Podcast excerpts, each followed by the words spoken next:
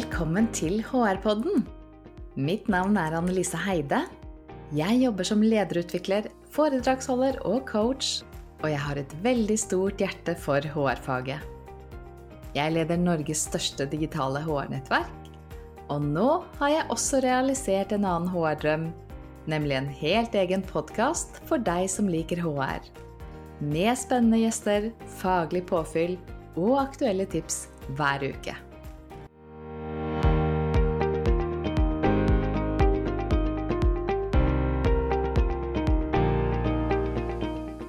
Velkommen til HR-podden! Og i dag så har vi med oss en veldig spennende person som jeg har fulgt ganske lenge på LinkedIn. Hun er veldig flink til å gå ut og snakke høyt om mangfold og inkludering, og alle de viktige tingene vi kan gjøre på det området der. Så velkommen hit, Kimya Sayadi. Tusen takk. Herlig. Du, det er jo sikkert mange som ikke er på LinkedIn, som ikke vet ennå helt hvem du er, og hva det er du jobber med. Kan du begynne med å presentere deg selv? Ja, det er alltid sånn vanskelig når du skal presentere deg selv, for skal du gå rett på liksom CV. Eh, men veldig kort, så ja, jeg studerte jo juss i to og et halvt år før jeg valgte å da droppe ut for å jobbe med mangfold og inkludering i selskapet mitt Big Enough Global. Og siden så har jeg jo konsultert over 35-40 virksomheter i både privat og offentlig sektor i dette arbeidet, og sitter også som styremedlem i to selskaper. For å da bidra med mangfold og inkludering, da, hvordan de kan jobbe med det. Og så ja, storesøster, kjæreste og ja, glad i dyr. Om jeg kan si litt personlig også. ja, men det er veldig hyggelig at du gjør det. Vi vil jo bli litt kjent med deg når vi har deg på besøk her. Du, hva var det som trigga din du, du, hadde studert juss i to og et halvt år, og så nå gjør du plutselig noe helt annet. Men hva var det som trigga din interesse for dette her feltet, mangfold og inkludering? Ja, nei, det var jo når jeg var på besøk hos de ulike firmaene og følte egentlig at jeg ikke var velkommen. Og på den andre siden så sa disse firmaene at de ønsket flerkulturelt mangfold. Og da husker jeg at jeg var veldig sjokkert, for jeg skjønte ikke hvordan jeg kunne være ønsket, men ikke føle meg velkommen. Så da skjønte jeg på en måte at her er det en problemstilling å jobbe med. Jeg ville hjelpe virksomheter med hvilke tiltak de kunne implementere for å rekruttere og beholde flerkulturelle. Og langt inn i det løpet så skjønte jeg at å, dette her er mangfold og inkludering. Så jeg visste ikke hva mangfold og inkludering var før jeg begynte Eh, å jobbe med det, da. Hmm, nettopp. Så du følte deg ikke velkommen, sa du. Hva var det som gjorde at du fikk den følelsen? Jeg tror først og fremst at ingen så ut som meg. Hmm. Og at det var jo på en måte også en bransje som ikke jeg hadde noe nærhet til. Altså f.eks. lege. Det møter du jo fra du er liten, men du møter jo aldri advokater eller jurister, eller jeg hadde i hvert fall ikke gjort det. Eh, og også liksom hvordan folk var kledd. da. Disse corporate-firmaene går jo gjerne i skjorte og dress og sånn. Altså Det ene firmaet hadde en gullskulptur. Eh, Oi! Altså, jeg er vant til persiske tepper og liksom te, og der var det var liksom bare Ja, så Du følte deg ikke helt hjemme? Ned, Nei, OK. Nei. Mm, nettopp. Så for du, har, du, er jo å snakke mye på LinkedIn om dette med diskriminering av eh, mennesker med en annen bakgrunn, en annen kulturell bakgrunn.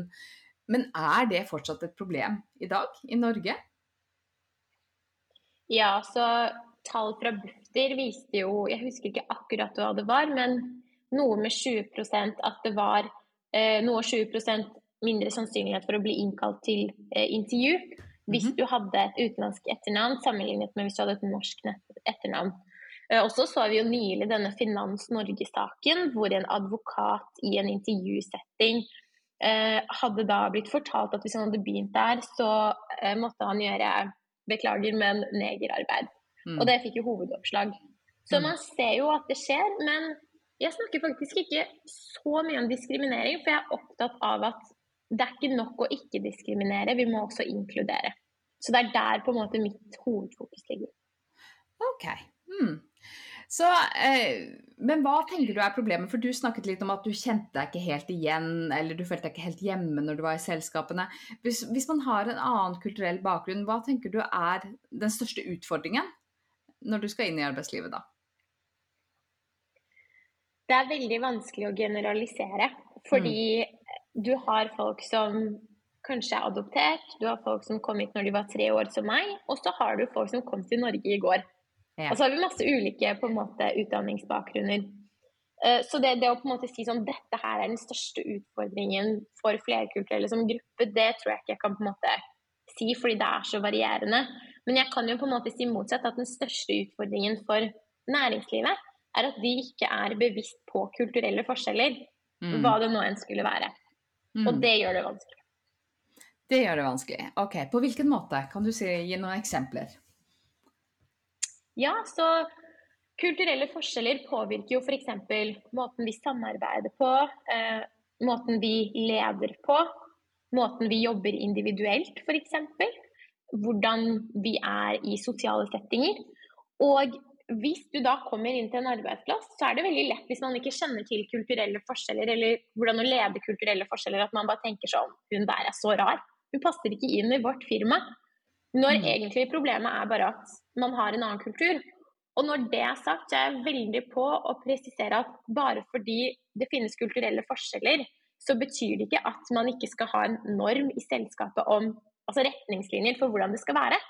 Men det er noe med å liksom tilrettelegge og lære opp folk i den kulturen man eventuelt har, da. Og mm. ikke bare utestenge alle som er litt annerledes enn seg selv. Og så er det kanskje noen sånn oppmerksomhetspunkter. for Jeg husker du skrev et innlegg for en stund siden med dette med alkoholbruk på arbeidsplassen. Dette med, med at vi alltid skal drikke når vi går ut og sånn, som kanskje kan være vanskelig for noen eh, type kulturelle bakgrunner, eller for norske mennesker òg, for den saks skyld.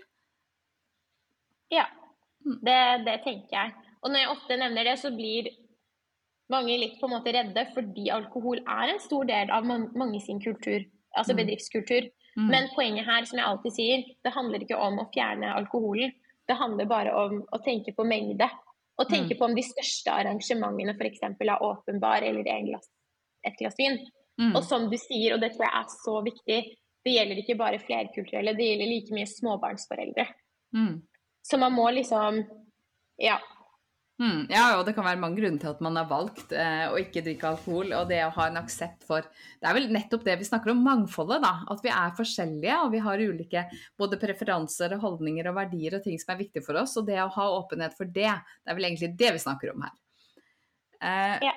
Så hvordan kan man egentlig jobbe godt med mangfold og inkludering i sin virksomhet? Det er jo det du er ute og rådgir på, er det ikke det? Ja. Så først og fremst må man lage et rammeverk. Altså begynne å definere. Hva er det mangfold og inkludering betyr?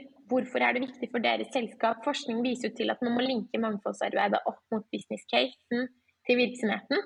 Sette gode overordnede mål, og sette liksom oppfølging og rapporteringsrutiner. Og nå mm, så er jeg inne i, det, inne i å jobbe med et selskap på akkurat dette her, da. Og det jeg ser som er kjempeviktig, som mange glemmer, er at du må bruke god tid på å innhente data. Ja. Så nå har jo vi brukt masse tid på å liksom intervjue folk og liksom forstå hvor er det skoen trykker når det kommer til mangfold og inkludering i denne virksomheten. Hvordan er det vi må approache det? Mens det som er problemet for mange i dag, er at de bare kjører på med populære tiltak uten å ha forstått organisasjonen sin. Så først et rammeverk. Og når rammeverket er på plass, så må man på en måte gå over til å jobbe systematisk med det. Og med systematisk så mener jeg at man må ha tiltak og mål som man følger opp innenfor hele virksomheten, ikke bare rekruttering. Du, Det er veldig bra, for jeg, jeg har ikke tenkt på at du egentlig må inn og gjøre den kartleggingen, den analysen, og være litt spissa i de tiltakene. At det er ikke bare en pakke du går inn og implementerer. Hmm. Spennende. Eh, har du noen gode, gode, eksempler på noen som har lykkes veldig godt med dette arbeidet? Um, jeg vil på en måte si nei. Og det, det, er ikke for å Ja, det er ikke for å være Det er ikke for å være på en måte kjip eller noe sånt, men Og det handler ikke om at det ikke finnes, det handler om at jeg vil ikke si at til nå at jeg har så mye kunnskap om en virksomhet til ja, okay. å kunne si at de er gode på det. Mm. Fordi det er veldig lett.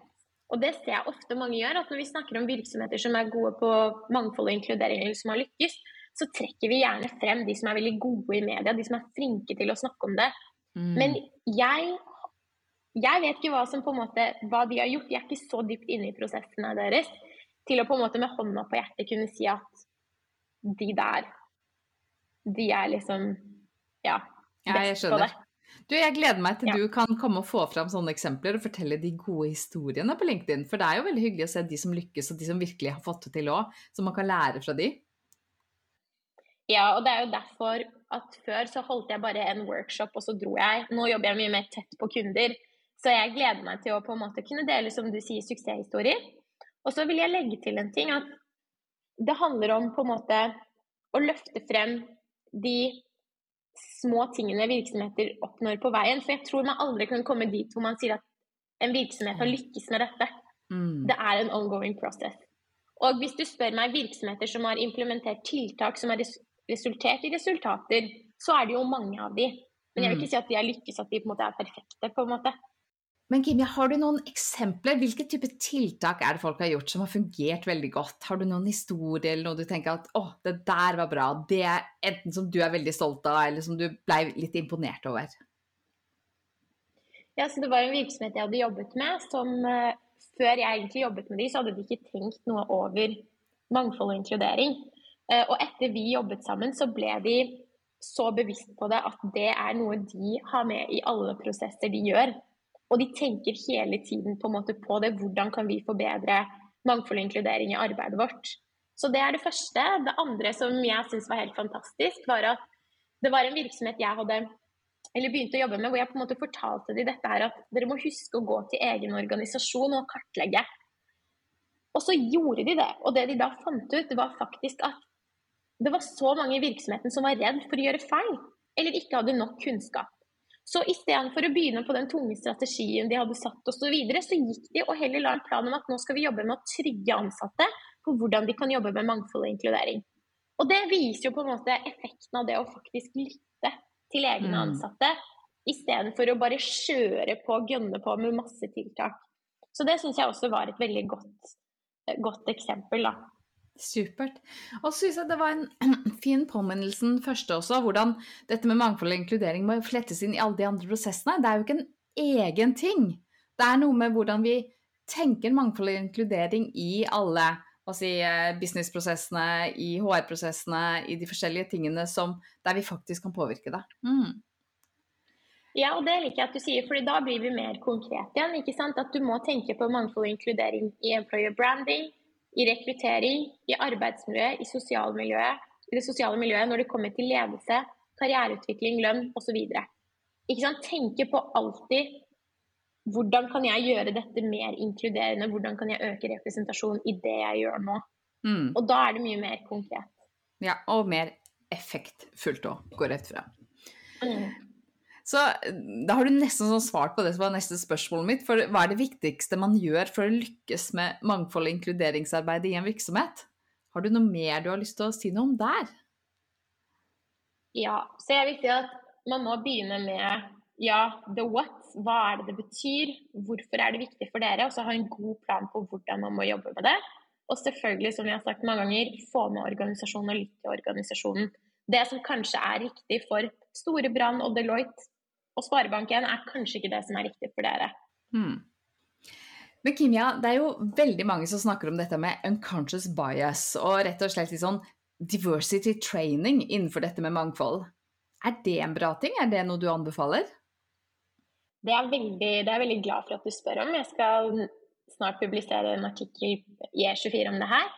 Og det, det jeg har lest, er at i USA så har de forsket på at de fleste virksomheter som bruker dette her unconscious bias-trening, de får ikke noe effekt ut av det. Mm -hmm. Og det jeg nettopp ser, da, som også skjer i norsk næringsliv, er at virksomheter bare kjører på om det er med mangfoldsledelse-kurs, unconscious bias-trening eller treninger med meg, før man nettopp har brukt tid på å gå inn i virksomheten og analysere hva problemene er. Og bare for å gi et eksempel. En virksomhet som jeg nylig jobbet med, de hadde en ledelse som ikke ante hva mangfold og inkludering betyr, eller hvorfor dette var viktig. Samme med HR-avdelingen. Og da, hvis du begynner å kjøre folk i unconscious bias workshop før de har begynt å skjønne hva dette her dreier seg om, da har du jo begynt i feil ende. Mm. Så kursing er bra, men hvis det på en måte passer inn i de behovene dere har, og hvis dere kan måle effekten av kursene dere er i. Fordi En annen tendens som jeg ser på en måte litt i norsk næringsliv, er at man går på kurs, og så sjekker man av en boks. Men et kurs i seg selv bidrar ikke til til endring. Det må være en del av en integrert del i, i prosessen til virksomheten. Da. Veldig godt poeng. Så, så, du sier litt både at det må være strategisk forankret, eh, og at man må skjønne hva det betyr, og hva det betyr for oss. Eh, og så begynne å implementere tiltak der. Den treningen kanskje kan være et av de tiltakene, men det holder ikke alene. Ja, det er veldig, veldig bra oppsummert. ok, supert. Hvis du skal gi de, Dette er jo en HR-podkast, eh, og det er veldig mange fra HR som hører på. Så hvis du skal gi noen helt konkrete tips til HR i virksomheten eh, i forhold til hvordan komme i gang, hva vil du si da? Jeg vil si å få med ledelsen. Mm. Ved å på en måte nettopp forklare dem hvorfor er dette viktig. Fordi dere trenger ledelsen med på laget hvis dette arbeidet skal lykkes. Det viser forskning. Det er det første. Eh, og det andre er jo på en måte å være litt, se litt rundt dere når dere rekrutterer til de ulike gruppene, og, og spørre dere selv 'who is missing in the room'? Mm. Se rundt dere. Er det blenda hvitt? Er alle unge? Er alle gamle? Er alle kvinner? Er alle menn? Mm. Hvem er det som mangler? Mm. Og prøve å liksom se etter andre typer kandidater enn det dere har i den aktuelle gruppen da, når dere rekrutterer. Mm. Du sier dette med få frem hvorfor det er viktig. Hva pleier du å si når du skal snakke om det? Hvorfor er det viktig? Så overordnet kan man jo si at det er lønnsomt. Mm -hmm. Men denne lønnsomheten kan bestå i innovasjon, det kan bestå i bedre produkter, det kan bestå i å tiltrekke og beholde talenter. Så her må på en måte virksomheten inn og se hva er det som er viktig for oss. Og det er jo noe av det vi f.eks. hjelper med. fordi da må du ha god oversikt over forskningen og hva er det den støtter opp under, før du kan begynne å si hvilket av disse tingene gjelder for vår virksomhet, på en måte. Nettopp. Og det er det som dere hjelper med, sier du. Hvis det er noen som ønsker å komme i kontakt med deg, Kimia, hvor finner de deg? Som du sa, så bor jeg jo på LinkedIn, eh, selv om det ikke er Ok. Og hvis du ikke bor på LinkedIn, er du andre steder da? ja, altså vi har jo en hjemmeside, bigenoughglobal.com. Mm -hmm. Så der står jo kontakt, eh, kontaktinformasjonen min også. Ok, så bigenoughglobal.com. Supert. Tusen takk for at du kom og var med på HR-podden, Kimia Sayadi. Tusen takk for at jeg fikk være med.